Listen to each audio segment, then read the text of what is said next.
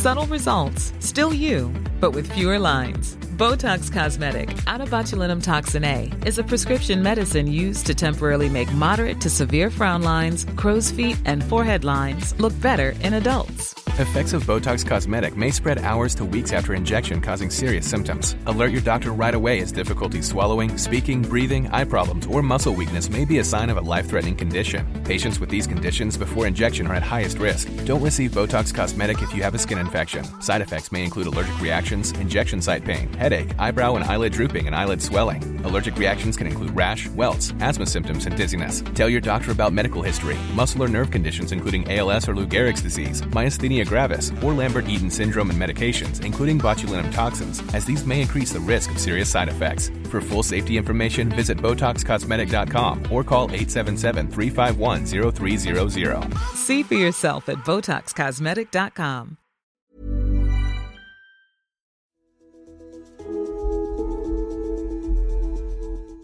For ett år siden rømte folk gjennom gatene i Nis fra lastebilen og angrepet på strandpromenaden. Angrepet, ett av 30 i Europa de siste årene, kostet 86 menneskeliv. I dag skal vi snakke om dem som har overlevd. Hvordan har det gått med dem? Du lytter til Aftenposten Verden. Jeg heter Tarjei Kramviken.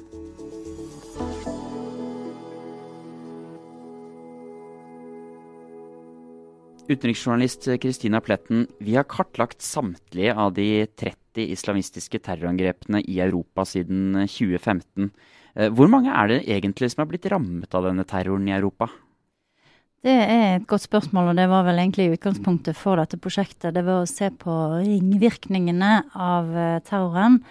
Og da har vi sett for oss at vi har flere sirkler utenpå hverandre, der den, den, innerste på en måte er de som er, er drept, da. Som er um, 330 og noen. Og så utenpå der igjen så har man de skadde.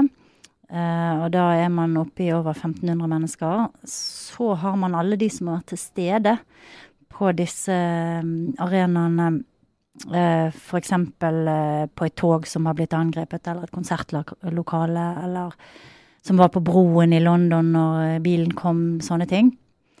Uh, og så har man da enda en ring utenpå der igjen, som er de pårørende til alle disse menneskene som ble direkte påvirket. Og ytterst så har man en sirkel med resten av samfunnet og, og hva det har gjort med oss alle. Sånn at Målet har vært å vise, vise, disse ringvirkningene gjennom journalistikk. Vise hvordan uh, det er mer enn bare dødstallet som, som uh, betyr noe når man snakker om terror. For det blir ganske mange mennesker da, som har møtt noen, eller som kjenner noen da, som har vært involvert direkte faktisk i alle disse angrepene? Ja, det er egentlig kanskje noe av det mest overraskende når vi begynte å, å se på dette her. Det er at uh, altså minimum 130 000 mennesker har vært på steder som har vært angrepet. Um, og hvis man da tenker veldig konservativt at uh, hvert av disse menneskene har la oss si ti personer da i sin nære krets, i, medregnet familie og venner, så er man allerede langt over en million mennesker som, um, som har uh, på en måte vært direkte berørt av terroren. Vi hører jo hele tiden at det er en veldig veldig liten sjanse for å havne i et terrorangrep, og at mm. det f.eks. er mange flere som mister livet i um, trafikken hvert mm. år. Mm. Eh, ja, og det har jo vært en debatt om dette her. Uh, altså hvor er, er, dekningen av terroren for, for intens? Uh, skriver vi for mye om det? Gjør det at frykten blir uforholdsmessig stor? Eh, men saken er jo den at for det første så, så rammer den langt flere enn en bare de eh, som dør. Det er veldig mange mennesker som har vært til stede på angrepene. Og for det andre så viser forskningen også at um, det å bli utsatt for en, en menneskeskapt uh, ulykke eller handling uh, har en helt annen effekt enn det å havne f.eks. i en storm eller i en slags ulykkessituasjon som ingen har har skylden for eller har noe hensikt med, da. Vi skal ta en liten avstikker fra deg, Kristina. For vår europakorrespondent Øystein Langberg har reist tilbake til Frankrike etter de store terrorangrepene som har vært der de siste årene. I Paris der møtte han en mann som ble skutt i ryggen under et angrep på et lyntog mellom Paris, Brussel og Amsterdam. I det angrepet ble ingen drept, men mannen som vi har møtt, han ble hardt skadd. English,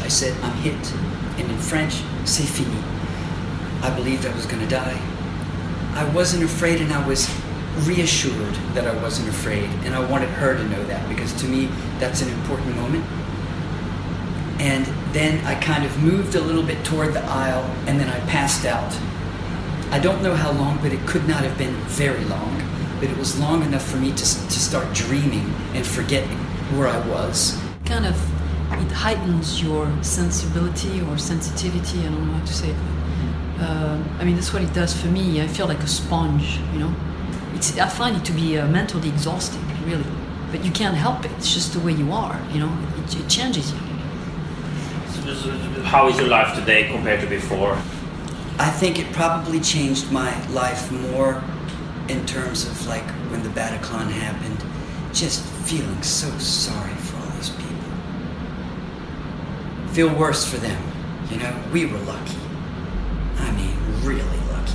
For a long, long time after that, every time I saw a silhouette that uh, looked like El Kazani, you know, in, in any way, I would sort of go like, and I could feel like the anguish. I mean, I could not control it. You know, I would like just go and And change cars. Oh, yeah. change cars just and, and look at like the exits uh, places i could hide or places i could run or i mean it was an obsession for a long time Det var eh, Isabella, samboeren til han som ble skutt, vi hørte til eh, slutt der.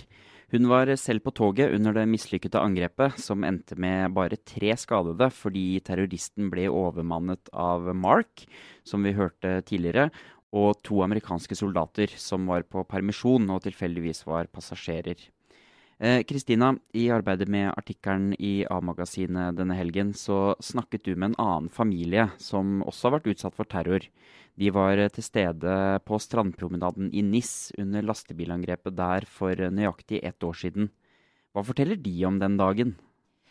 Um, de forteller uh, at uh, de var nede på denne feiringen. De hadde nettopp kjøpt seg en is eh, og gikk langs promenaden. De hadde med seg sin ni år gamle datter Lola, og hun hadde med seg et sånn lite løperhjul.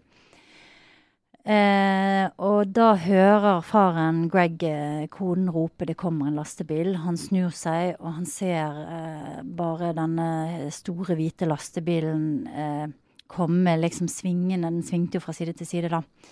Eh, og da han, forteller han at han skjønte med en gang at dette var et angrep. Ehm, og så klarte han ikke helt å kaste seg til side, eh, sånn at foten hans kom under eh, lastebilen og ble knust på tolv steder fra kne og ned. Eh, konen og datteren klarte å kaste seg unna, men dette løperhjulet som Lola gikk med, det, altså, bakhjulet på lastebilen traff det, sånn at det spratt bort i, i beinet hennes og, og, og knuste ankelen hennes. Så så nærme var de. Det var liksom snakk om en, en hårsbredd fra, fra døden, rett og slett. Eh, så forteller de om et eh, vanvittig kaos i etterkant, selvfølgelig. Der de ble skilt fra hverandre. Eh, konen og Lola blir tatt med til et museum der de ble stengt inne og, og, og gikk i skjul, rett og slett. Det var jo det folk gjorde. De sprang av gårde og, og gjemte seg. Mens han da ble liggende eh, på bakken eh, sammen med hennes eh, bror som prøver å hjelpe henne. Men det er ingen ambulanser, det er masse skadde folk. eh, og så har det seg sånn at det kom forbi en frivillig brannmann som eh, hadde bilen i nærheten og ville hjelpe.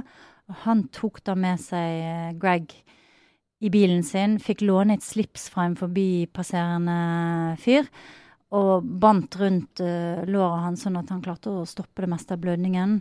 Og fikk kjørt han til sykehuset og antagelig reddet livet hans. Så det var en veldig dramatisk historie. Og eh, hun, eh, Sophie, som konen heter, forteller også at det var først klokken tre neste dag at hun fant han igjen. Altså de kom inn på sykehusene, så ble de bare skrevet inn med et nummer. Sånn at det gikk da eh, ja vel en 16-17 timer fra dette skjedde til hun faktisk fikk kontakt med mannen sin igjen, som var veldig nervepirrende, og der de ikke ante hva som hadde skjedd med han.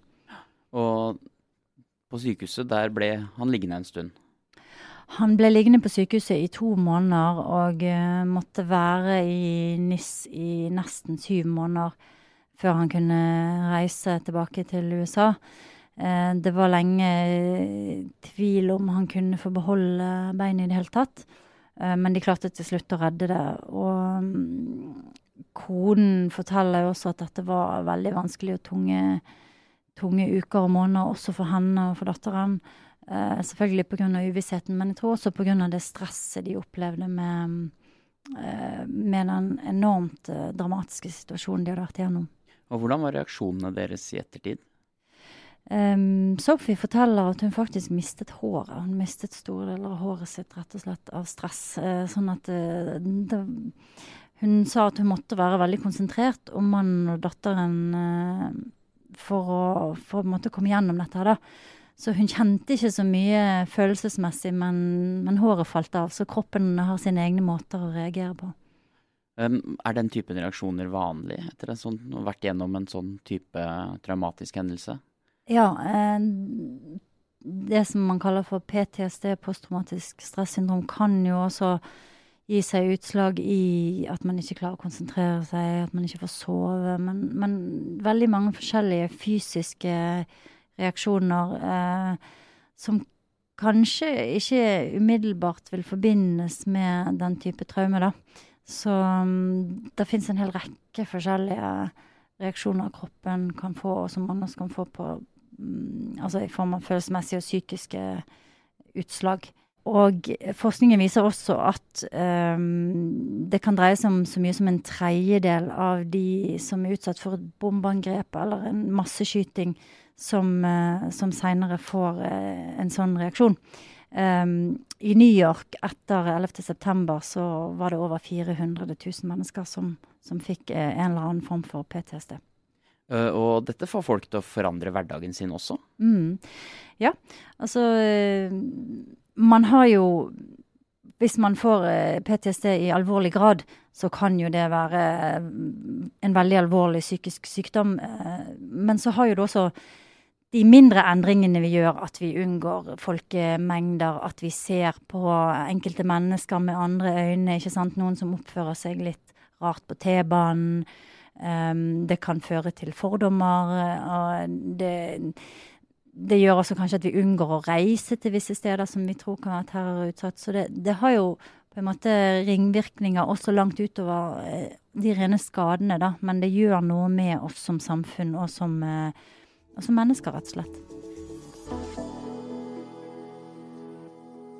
Du kan lese hele saken i A-magasinet denne uken eller på aftenposten.no. Ikke glem at du kan abonnere på oss i iTunes eller i andre podkast-apper. Les hvordan på aftenposten.no slash podkast.